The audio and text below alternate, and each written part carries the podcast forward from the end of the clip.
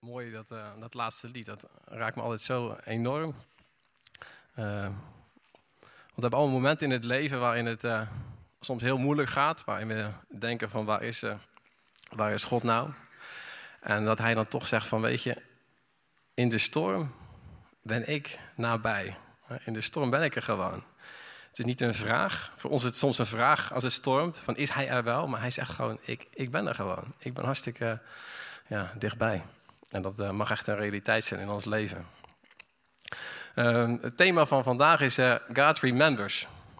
Ehm, en dat is min of meer naar aanleiding van eh, het laatste hoofdstuk van, van Romeinen, dat God herinnert. Nou, nu denk je, ja, wat herinnert hij zich dan? We hebben al vaker gezegd, wat ook in Romeinen lezen en in Hebreeën, van de zonde en ongerechtigheden zal hij niet meer gedenken. Dus wat herinnert hij zich dan nog überhaupt wel? Ik denk dat er heel veel uh, momenten in ons leven zijn waarin God naar ons kijkt als vader. En misschien kan je uh, dat ook voorstellen. Als je uh, een kind hebt, dat, je, dat er momenten zijn waarop je denkt van... Wauw, ik ben zo gewoon trots op wat mijn, wat mijn, ja, wat mijn kind doet. En ik denk dat er ook zulke momenten zijn dat God naar jou en mij kijkt en zegt, dat vind ik nou zo mooi. Hè? Wat mijn kind daar aan het eh, doen is, daar kan ik gewoon zo van genieten. Hè? En ik denk, uh, ja, daar, wil ik vanochtend echt uh, een beetje uitgebreid bij, bij stilstaan. Want er zijn heel veel dingen in ons leven die we, die we doen, waar we soms zomaar aan voorbij gaan, waar, maar waar ik van geloof dat dat echt vrucht is van hetgeen wat, wij, wat we geloven. Als we geloven wat Jezus voor ons heeft gedaan, dan heeft dat ook zijn uitwerking in, onze, in ons leven. In datgene wat we, wat we doen en hetgene wat we aan anderen eh, laten zien. Ik realiseer me ook dat we daar soms in het eh, hele genadekamp een beetje, ja, een soort van krampachtig over zijn.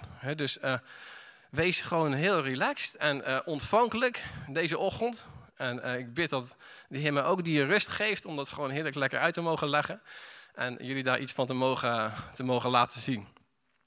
Um, eigenlijk het eerste, uh, het, het, laatste hoofdstuk, wat, wat Paulus aan de Romeinen, uh, de gelovigen in Rome schrijft. Uh, heeft al 15, 15, hoofdstukken erop zitten. En dan wil hij toch nog een aantal dingen, zeg maar, ja, delen met de gemeente. En dan blikt hij terug op een aantal mensen die heel veel um, hebben betekend in, uh, in zijn bediening, die hem enorm tot steun zijn geweest. Um, dat lezen we onder andere in de Romeinen ja, 16, de eerste verse. Dan zegt hij, ik beveel u Febe, hè, want hij schrijft die brief en er zijn een aantal mensen die uh, hij wil bedanken en die ook op dat moment in Rome zijn. Hij zegt, ik beveel u Febe, onze zuster, aan, die een dienares is van de gemeente, die in Kengree is, opdat u haar ontvangt in de Heer op een wijze die de heilige waardig is en haar bijstaat in elke zaak waarin zij u nodig heeft. Want ook zij heeft zelf bijstand verleend aan velen, ook aan mijzelf. Waarschijnlijk een, eh, een zakenvrouw die het een en ander betekende. Bijvoorbeeld Paulus, die in zijn bediening heel veel heeft betekend, maar waarin hij ook heeft gezien dat zij in uh, datgene wat zij in de gemeente betekent, dat het niet uh, alleen voor Paulus was, maar dat het ook voor heel veel ja, andere mensen in de gemeente, waar, dat, dat zij voor gelovigen uh, ontzettend veel heeft betekend. En hij vindt dat van belang om dat, eventjes, uh, om dat eventjes te noemen. En de twee mensen die daarna komen, die namen die kennen we misschien uh, wat beter.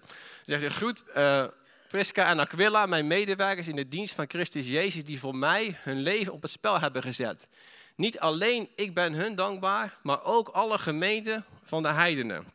Die Priscilla en Aquila, die uh, Paulus uh, ontmoette in Korinthe. Joden die hoogstwaarschijnlijk uh, gevlucht waren uit Rome, omdat ze daar vervolgd werden en dat alle Joden daar weg moesten. En Paulus ontmoette hun daar.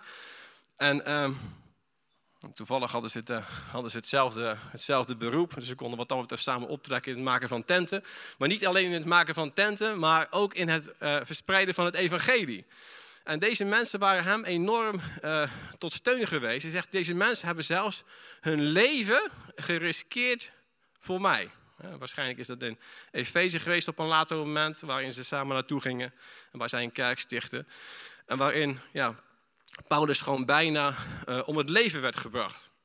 En waarin zij hun leven in de waagschaal zetten om hem daar hoogstwaarschijnlijk op een of andere manier bij te helpen. Uh, en nu denk je misschien bij jezelf, ja, weet je, die twee mensen, zullen die nou echt gedacht hebben? Nou, Heer, ja, accepteert u mij nou wel? Accepteert u mij nou niet? Weet je, Heer, ik moet het misschien toch nog iets voor doen, want dan houdt u misschien toch meer van mij. Natuurlijk niet. Deze twee mensen hadden het op hun hart om Paulus in de momenten dat hij het moeilijk had en dat hij, uh, dat hij hulp nodig had, ze hem hielpen. Dat was gewoon iets wat heel natuurlijk uit hun hart, als het ware, als het ware kwam. En uh, zo is het ook in ons leven. Wanneer we geloven in dat Jezus voor ons heeft gedaan.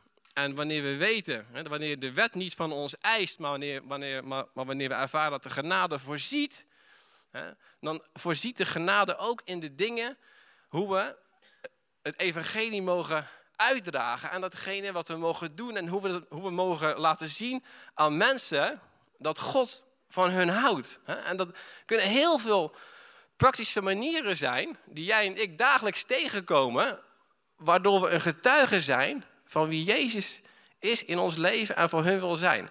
Nou, en dat is ook heel mooi, daar verwijst ja, Paulus ook naar terug, naar deze twee, uh, naar deze twee mensen die heel veel hadden betekend in de, in de gemeente. En um, ja, nu denk je misschien van, ja, uh, wat zegt Jezus daar uh, nu over? Hè? Uh, ja, zegt Jezus nou ook nog het een en ander over elkaar dienen, iets betekenen in deze wereld? Ik ben me er heel erg van bewust dat als we, als we kijken naar de maatschappij van vandaag, dat de overheid, de overheid heeft min of meer de plek, de overheid heeft min of meer de plek ingenomen van wat gelovigen in de vroegere gemeente deden. En waar we hiervan lezen. Uh, is dat slecht? Nee, helemaal niet op zich. Het is heel mooi dat een overheid, hè, als wij hier naar uh, Nederland kijken, dat we een overheid zien die actief is. Dat we een overheid zien, dat we in de verzorgingsstaat leven. als ik met mijn Afrikaanse vrienden erover heb, dan ja, weet je, die, denken, jullie wonen daar in een soort van, uh, in een soort van paradijs. Ja, ik zeg wel altijd van, je moet hier heel veel belasting betalen. Dus het wordt wel ergens van betaald natuurlijk. Uh, het geld groeit hier niet aan de bomen. Maar uh, wat dat betreft lijkt het dat we in, het in Nederland enorm op orde hebben. En dat is natuurlijk ook in zekere zin, zeg maar zo. Maar als we naar de vroegere kerk terugkijken, dan zien we dat Paulus daar voornamelijk zegt, niet tegen Claudius van, hé hey, Claudius joh, keizer, kom aan, help je armen nou een beetje. Nee, dat hij juist de gemeente aanspoort om de armen te helpen, de weduwe, de wezen, om eigenlijk gewoon Jezus te laten zien en op een hele praktische manier, op wat voor manier dan ook, ja, bezig te zijn en te laten zien dat Jezus van hen houdt en Jezus voor hun, uh, en Jezus voor hun zorgt. En um, dat is heel mooi als we kijken naar Matthäus, naar, Matthäus 25. Dan vragen de discipelen, die hebben het er ook over met, uh, met, met Jezus. En dan, um, ja, dan zeggen ze van, uh, ja, wat hebben wij nou uiteindelijk allemaal uh, gedaan? Wat hebben wij achtergelaten? Ze stellen zich een beetje op als een soort van, ja, je zou bijna zeggen helden. Hè? Wij hebben toch ook al onze familie en mensen achtergelaten, zijn u gevolgd. En dan zegt Jezus het volgende. Want ik had honger en u hebt mij te eten gegeven. Ik had dorst en u hebt mij te drinken gegeven. Ik was een vreemdeling en u hebt mij gastvrij onthaald. Ik was naakt en u hebt mij bekleed. Ik ben ziek geweest en u hebt mij bezocht. Ik was in de gevangenis en u bent bij mij gekomen. Dan zullen de rechtvaardigen zeggen, op het moment dat we bij God zijn, dat, God dit, dat Jezus zegt dat het zo zal gaan. En hij zegt, dan zullen de rechtvaardigen zeggen, hè, dus de mensen die door Jezus gekocht en betaald zijn, hè, wat zullen die dan zeggen? Zullen die dan zeggen van, ja natuurlijk, wij hebben dat allemaal gedaan. Schouderklopje, we zijn goed bezig geweest. Nee, wat zullen ze dan zeggen? Zegt Jezus. Uh, nog één versje terug. Um, wanneer hebben wij, dan zullen ze zeggen, wanneer hebben wij u hongerig gezien en te eten gegeven of dorstig en te drinken gegeven? Ja, de volgende. Dus uh, de discipelen vragen zich min of meer af van, maar, maar Jezus, u bent toch niks tekort gekomen. U had kleding, u had onderdak, u had eten. Daar, heeft u toch allemaal, daar is toch allemaal in voorzien geweest. Maar dan zal de koning antwoorden, voorwaar, ik zeg u, voor zover ik dit van een van deze geringste van mijn broeders gedaan heb, hebt u dat voor mij gedaan. En dat is heel mooi. Jezus haalt het dus eigenlijk naar een hoger plan. Wanneer wij anderen dienen, dan is het niet dat wij in zekere zin elkaar dienen. Nee, hij zegt, Jezus zegt, als je anderen dient, als je iets voor mijn broeder of voor mijn zuster doet, dan dien je juist mij. Als je iemand te eten geeft, dan heb je als het ware mij te eten gegeven. Als iemand dorst heeft, dan is het niet dat je die persoon helpt en drinken geeft en in zijn behoeften voorziet. Nee, dan voorzie je als het ware in mijn behoeften en je geeft mij te eten en je geeft mij te drinken. En dat is heel mooi, want soms kunnen we zo op elkaar gefocust zijn en kunnen we, kan het zo vanuit onszelf komen dat we denken, ik moet, die, ik moet iets voor die ander doen, ik moet die ander dienen. Wat zegt Jezus? Nee, wanneer je iets voor die ander doet, dan doe je het voor mij. Je dient mij ermee. Je voorziet als het ware in de behoeften die ik heb. Want ik heb als het ware, ik had als het ware dorst. Maar een ander mooi punt wat we hier eigenlijk uit kunnen leren, is dat de mensen die zich dat afvragen, wat heb ik, wat heb ik gedaan, dat zij zich er helemaal niet bewust van waren. Want ze zeggen tegen Jezus van, ja, maar wat hebben we nou uiteindelijk gedaan? Zegt u het eens wat we dan hebben gedaan voor mooie dingen? En Jezus zegt dan, je hebt het voor mij gedaan. Dus het is helemaal niet het idee van, ik ben goed bezig geweest, ik heb andere mensen geholpen, ik heb andere mensen gediend. De mensen waar Jezus het over heeft, zijn discipelen, zijn kinderen, zijn zich helemaal niet bewust geweest van hun goede daden. Zijn zich helemaal niet bewust geweest voor datgene wat ze hebben gedaan in het leven en hoe ze vrucht hebben gedragen. En dat is in het leven van jou en mij net zo. Wij hoeven niet continu te kijken van, draag ik wel vrucht? En dan kunnen we zo uh, gefocust zijn op het idee van, ja, draag ik wel vrucht? En denken van, nee, ja, veel te weinig. Ja, die ander, ja, dat gaat helemaal, helemaal goed. Ja, maar die, ja, dat lijkt helemaal, helemaal nergens op. Die draagt helemaal geen vrucht. Zo werkt het niet. Als we vrucht dragen, dan komt dat door datgene wat we geloven, voor wat Jezus voor ons heeft gedaan.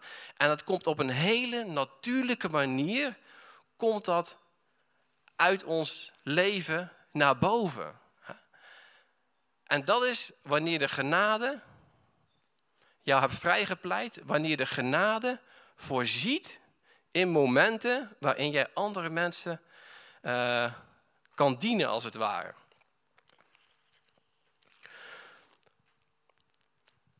Er was dus een, uh, een voorganger in uh, Nigeria. Met Goede Vrijdag ging hij naar, naar zijn gemeente toe.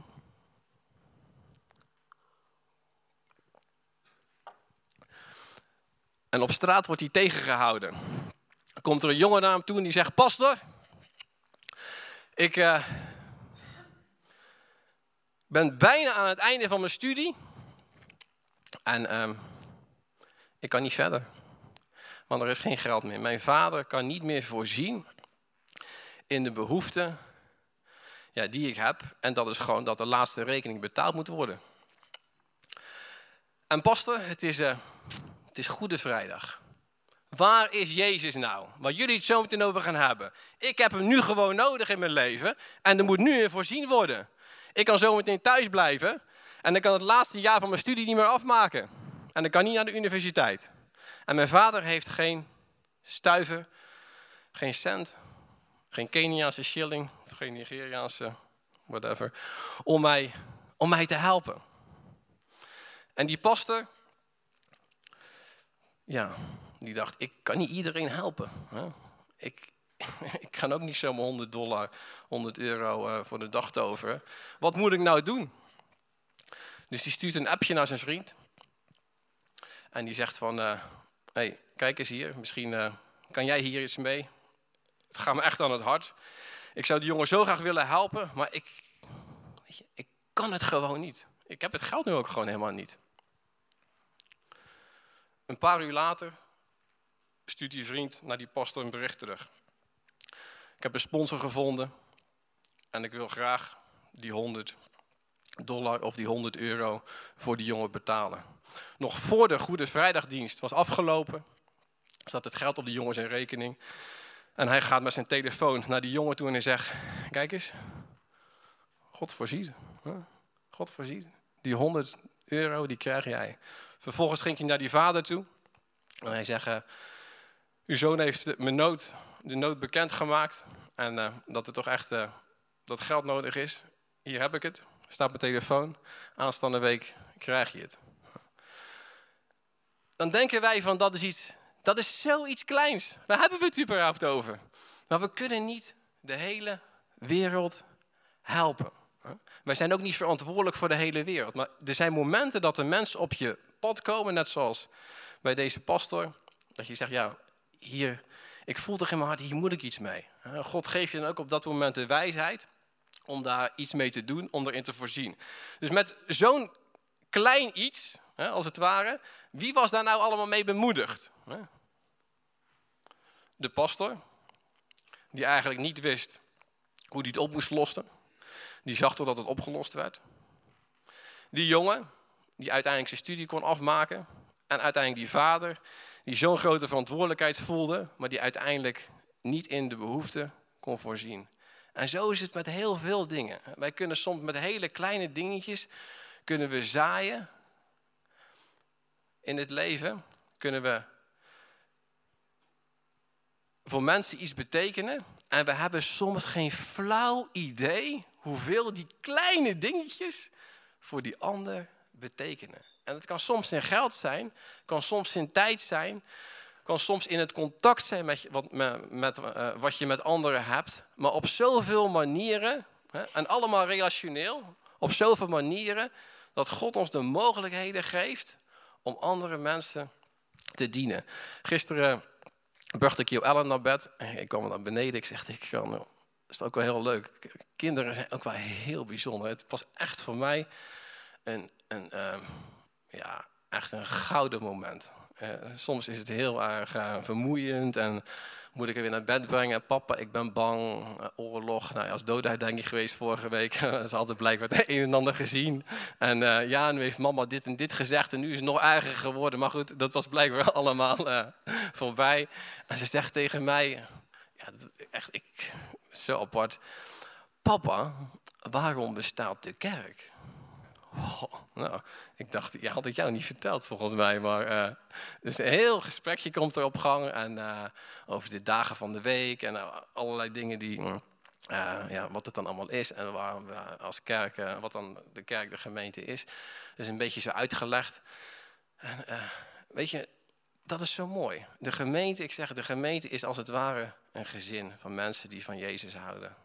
En mensen die op zoek zijn. En zo mogen wij als gemeente, mogen we elkaar helpen door dik en dun heen. Wanneer je je broeder of je zuster, wanneer je mensen in de gemeente ziet struggelen, dat je er voor elkaar kan zijn. Dat je weet, ik ben gewoon niet alleen. Als ik, als, er, als ik geen hoop meer heb, dat de mensen naar mij toe komen en die mij hoop geven door op Jezus, uh, door op Jezus te wijzen. Is het een zoektocht? Is het een zoektocht voor ons om iets in het leven te betekenen voor een ander? De werken die wij mogen doen vanuit de genade is dat een zoektocht? Of is dat meer gewoon een automatisme dat vloeit voort uit wie we zijn? Ik denk dat het laatste. En ik denk dat Efeze daar ook iets heel moois over zegt. Want daar staat namelijk, wij zijn zijn maaksel, geschapen in Christus Jezus om goede werken te doen die God van tevoren bereid heeft, opdat wij daarin zouden wandelen. Dus het mooie is, wij hoeven helemaal niet op zoek te gaan naar de goede werken. God heeft goede werken voor jou en mij bereid, opdat jij en ik daarin mogen wandelen. Dat is niet iets heel geforceerds. Dat is gewoon iets heel normaals wat uit jou en mij komt en wat uit jou en mij voortvloeit. We hoeven helemaal niet op zoek te gaan naar mensen van, ik wil zo graag wat betekenen voor mensen, wie kan ik helpen? Ik weet zeker dat er mensen in je omgeving zijn waar jij een hand en een voet voor kan zijn. Dat er momenten zijn waarin jij die mensen kan zegenen. Dat er, dat er momenten zijn waarin jij deze mensen mag bemoedigen. En het mooie is dat je niet naar op zoek hoeft te gaan. God heeft de goede werken voor jou en mij van tevoren al bereid. Opdat jij erin mag wandelen. Daarnet zeiden we al, je kan, je kan, iedereen, uh, je, kan iedereen, je kan iedereen niet helpen. Maar ik denk het is wel heel mooi als we naar het hart van God kijken.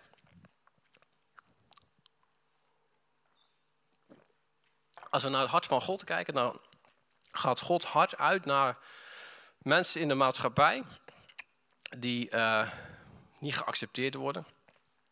Gaat Gods hart uit naar mensen in de maatschappij die verdrukt worden. Gaat Gods hart uit naar mensen in de wereld die alleen zijn. Die geen vader meer hebben. Die geen moeder meer hebben. Die eigenlijk niemand hebben die voor, zich, uh, die voor hen zorgt. En dat is een heel mooi uh, bijbelvers wat onder andere in Jacobus, uh, Jacobus lezen. Dan lezen we... De zuivere en onbevlekte godsdienst voor God en de Vader is dit. Weduwen, wezen en weduwen, uh, wezen en weduwen bezoeken in hun verdrukking en zichzelf onbesmet bewaren van de wereld. Als we even kijken naar de tijd van toen, in de tijd van verdrukking, in de tijd van, van oorlog, in een tijd dat, uh, dat heel veel christenen uh, werden gedood.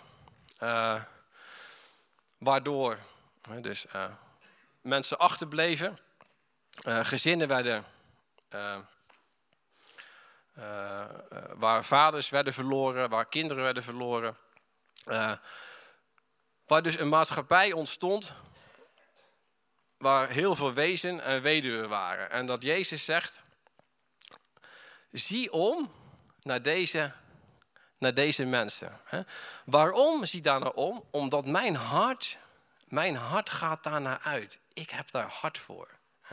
Dat is heel mooi om zo'n stukje van het hart van, van God te zien. Een vriend van mij eh, die in Kenia woont, die, eh, die had pas op het, op het hart om een, een weeshuis te beginnen. Hij, hij, was een, uh, hij had een winkeltje waar hij agrarische producten verkocht om het een en ander, uh, ja, om toch een, wat brood op de plank te krijgen. En hij zegt, ik zag daar zoveel kinderen voor mijn uh, deur. Zag ik daar zitten, dag in, dag uit, gingen niet naar school, hadden geen eten. En hij zegt, ik kan het gewoon niet aanzien, Johannes. Hij zegt, ik heb een, uh, hij zegt, we delen ons eten, wat we hebben, wat we hebben. Wat hij zegt, wat ik heb voor mijn vrouw en voor mijn eigen zoontje, dat delen we nu met z'n tienen. Ik zeg, zo, wow. Kan je je voorstellen? Wij zeggen gewoon, trek een pak extra rijst open. Maar stel nu, s'avonds zit je aan tafel. Denk even morgen na, je zit aan tafel.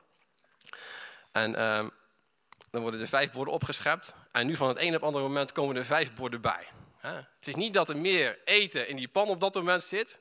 En die jongen had het zo op zijn hart en zegt... Johannes, dat maakt me helemaal niks uit. Hij zegt, ik kan het gewoon niet zien. God heeft gewoon een hart voor die gasten. Ik heb die gasten in mijn huis genomen en ze komen nu elke dag eten. Een paar weken later zegt hij, ik heb een eh, plekje gehuurd. En uiteindelijk uh, ja, kunnen die vijf jongens nu in ieder geval van de straat af. Ze kunnen in ieder geval uh, zelf ergens wonen, beschermd. Dat ze niet op straat hoeven te hangen. En hij zegt, we gaan ze ook uiteindelijk naar school toe, naar school toe sturen. Hij zegt, ja weet je Uh, ik heb met de directeur van de school gesproken. Hij zegt, ik heb tegen de directeur gezegd, ik heb geen stuiver, ik heb geen geld. Maar uh, je wilt u toch de kinderen ja, uh, aannemen op school? De directeur zegt, dat is prima, maar dan moet je wel zorgen dat er iets, ja, moet er iets komen uiteindelijk. Maar goed, eerste semester mogen ze vrij de school zeg maar in. En vind ik zo mooi. Hè? Die, die jongen die in een land woont, Kenia en, Kenia en Oeganda, zijn landen waar enorm veel uh, weeskinderen wonen. Uh, waar ook heel veel kinderen nog wel een vader en een moeder hebben, maar die niet voor hen zorgt. Dus uh, wezen en weeskinderen, kinderen die niet een vader of een moeder hebben die voor hen zorgt, worden ook tot, vaak tot de wezen daar gerekend. Een heel groot percentage, wat wij eigenlijk ons niet kunnen voorstellen als we naar Nederland kijken, dat er zoveel kinderen zijn waar gewoon niet voor gezorgd wordt. En hij zegt, ik heb het op mijn hart gekregen om daar gewoon heel eenvoudig, heel simpel iets, uh, iets voor te doen. Om die, uh, om die kinderen zeg maar te helpen. En zeg niet dat wij allemaal het vliegtuig moeten pakken en, en, morgen naar Kenia moeten gaan om daar, om daar te helpen. Maar er zijn vast andere praktische manieren waarin we ook zulke bedieningen, hè, die zich buiten Barendrecht, buiten uh, Nederland uh, zijn, om die bedieningen met gebed, maar ook met, met financiële middelen, en dat doen we ook als gemeente voor een wezen in Brazilië, om die zeg maar uh, ja, te steunen.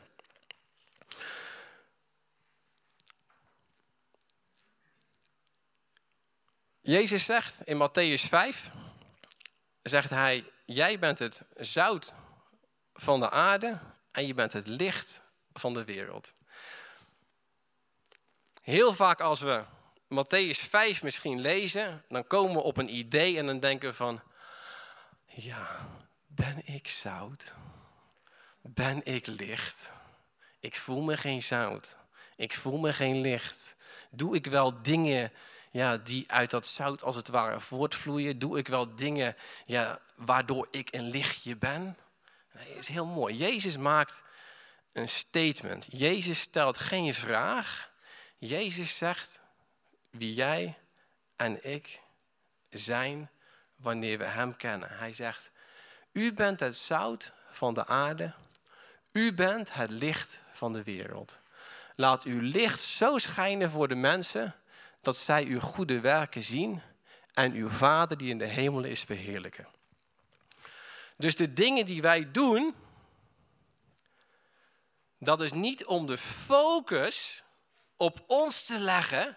Het is juist wanneer wij dingen doen, wanneer wij iets voor een ander betekenen, dat die ander gaat denken van wow, er is een God die van mij houdt. Er is een God die om mij geeft. Mocht die persoon niet die focus hebben, dan hebben we het misschien soms iets te veel met onszelf getroffen. Als je jou en mij duizend miljoen één keer bedanken, uit een soort van misschien een of ander schuldgevoel, dat ze denken, oh je hebt nu zoveel van mij betekend, je hebt zoveel van mij gedaan. Nee, uiteindelijk moet de eer en de glorie, alle focus op Jezus terechtkomen wanneer wij dingen voor hem doen in het leven. Want mensen zullen zeggen en zullen zien, er is een vader in de hemel die van mij houdt. Er is een vader in de hemel die om mij geeft. En ik hoef die persoon niet te bedanken. Ik kan degene bedanken die die persoon naar mij toe heeft gestuurd om mij op dit moment, op, om mij op dit moment te helpen aan te dienen. Een principe. Ik denk als we kijken naar een, uh, een principe in, het, in ons leven, is dat God laat ons soms dingetjes doen. Hm?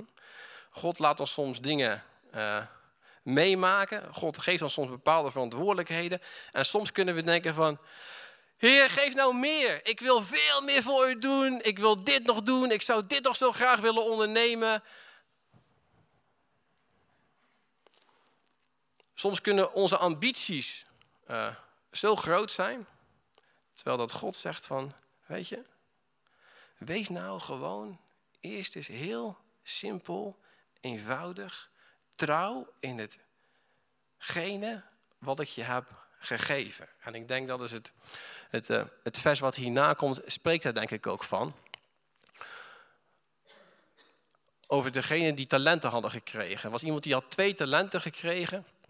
Kwamen naar Jezus toe. Heer, twee talenten hebt u mij gegeven. Zie, twee andere talenten heb ik aan winst gemaakt.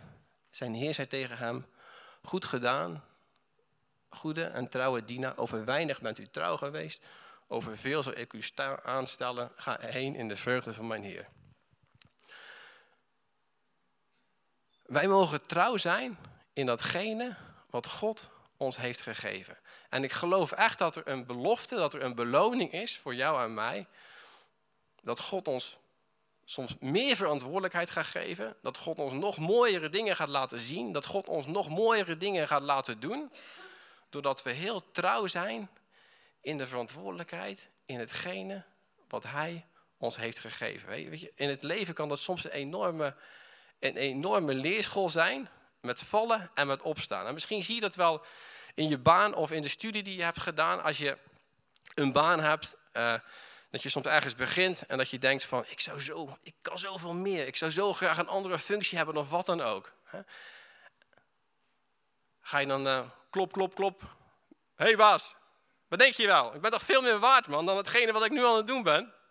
Nee. Doe gewoon je ding. Je baas ziet echt wel wat jij doet. Jouw baas ziet echt wel het hart wat je heeft en de trouw die je in het werk stopt. En weet je, dat wordt gewoon op een duur wordt dat beloond. En zo beloont God ook gewoon hetgene wat wij doen. Vandaag is moederdag. En uh, nou, vanochtend uh, kwamen de kinderen al uh, naar beneden. En ja, mogen even een filmpje kijken. Ja, dat mag wel. daarna ja, mogen we mama al wakker maken om dan cadeautjes te geven. Ja, ik zeg dat is, dat is goed. Gaan we dus allemaal tippel tippel. Joelle had een, of Naomi had een hele mooie, ja, zo'n zo'n pasta-ketting gemaakt van pasta en, en, en geschilderd. En Joshua had gisteren nog even uh, chocola gehaald. Hij wil, ik had eigenlijk gezegd, je kan beter dit of dat halen. Maar uiteindelijk haalt hij toch vaak datgene ja, wat hij zelf toch eigenlijk wel ook heel lekker vindt. ja, misschien herkennen jullie dat wel.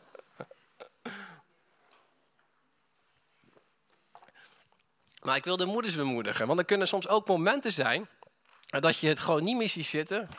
Dat je een beetje hopeloos raakt. Dat je denkt van, Heer, help me nou alstublieft. Maar weet je, God ziet gewoon al die momenten waarin wij zitten te struggelen. Waarin wij het soms moeilijk hebben. Maar weet je, dat zijn momenten waar we ook gewoon heerlijk lekker in mogen blijven verwachten. Waarin we ook mogen blijven volharden. En waarin we ook mogen uitzien naar de beloning die God ons daarvoor geeft. Voor die volharding. Voor dat geloof. Voor die hoop die we in momenten hebben dat eigenlijk geen hoop voor onszelf. Voor onszelf zijn we een hoopje ellende en we hebben alles behalve hoop. Maar we hoeven gelukkig niet de hoop en de verwachting in onszelf te hebben. We mogen de hoop hebben in datgene wat Jezus, in datgene wat God kan en wil doen in het leven van onze kinderen. En jou daar als moeder voor gebruikt. En jou ook helpt daarin te volharden. Marcus 10.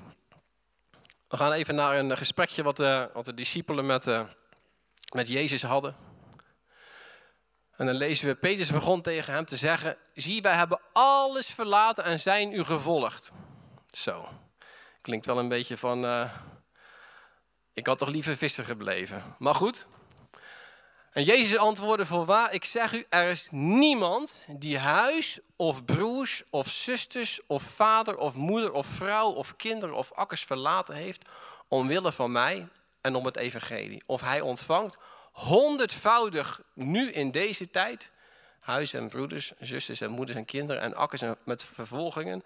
En in deze wereld die komt, het eeuwige leven. Dus wat zegt Jezus tegen zijn discipelen? In dit leven, in het hier, in het nu, niet alleen in de eeuwigheid, zal je beloond worden. Maar je zal nu al de beloning ontvangen en gaan ervaren in je leven. Want God is een beloner.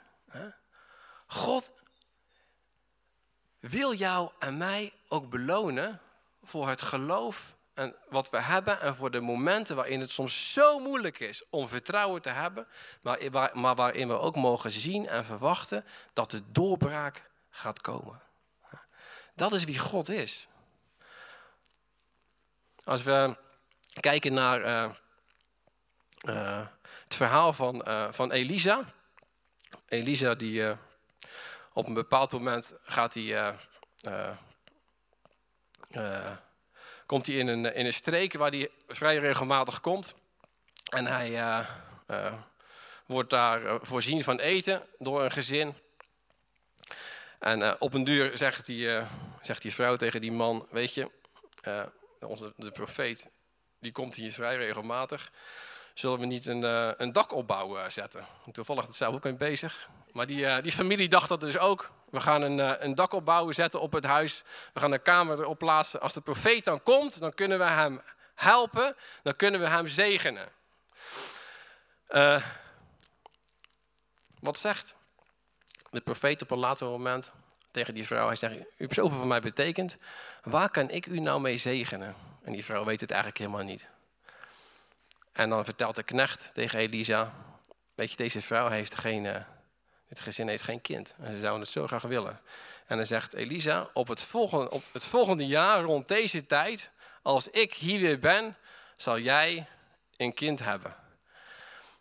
En zegt uh, die vrouw, ja, dat geloof ik niet. Gelukkig heeft haar ongeloof niks te maken met, het, met, met de uitwerking ervan. Die vrouw die zat vol ongeloof. Kan nooit, kan nooit. Onmogelijk. Ze moest erom lachen.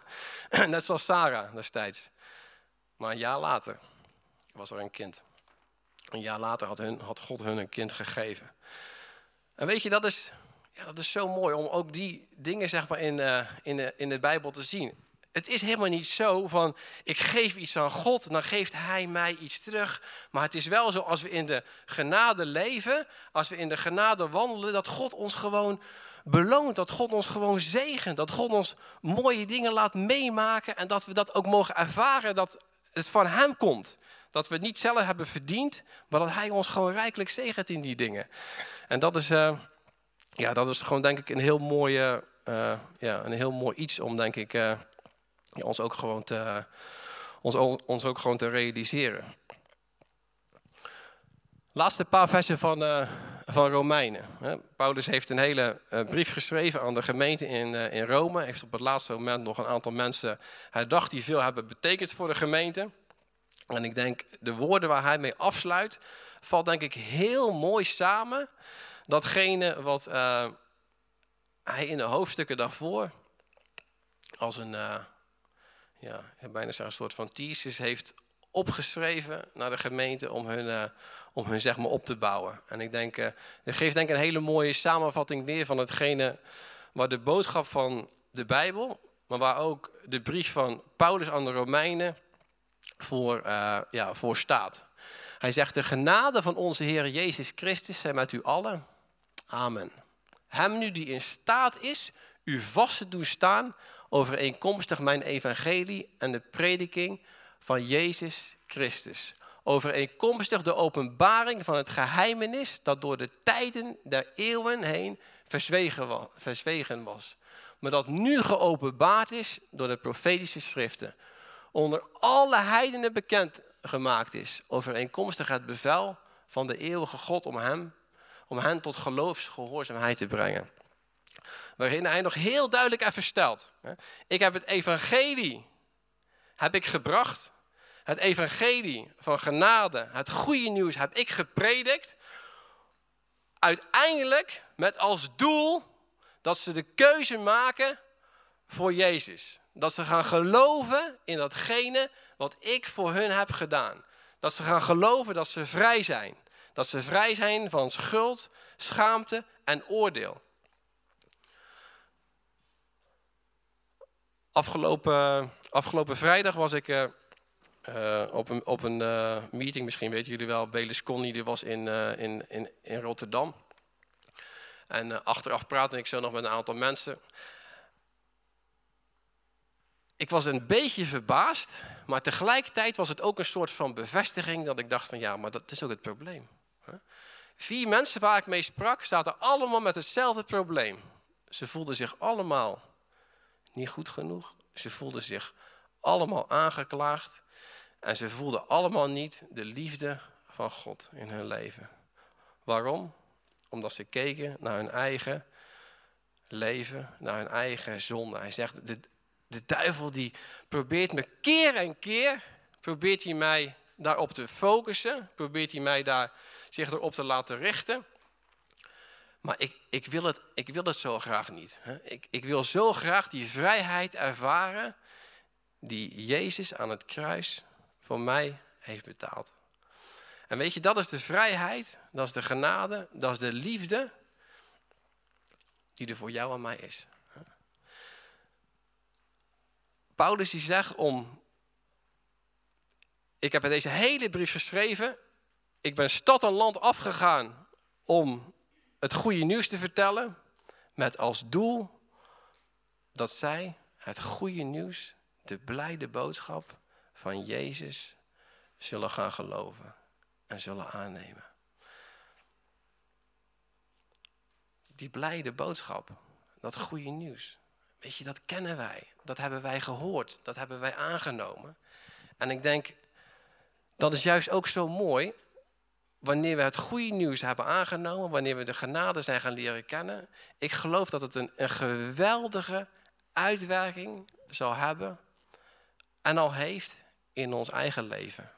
Dat is de vrucht die op ons leven rust.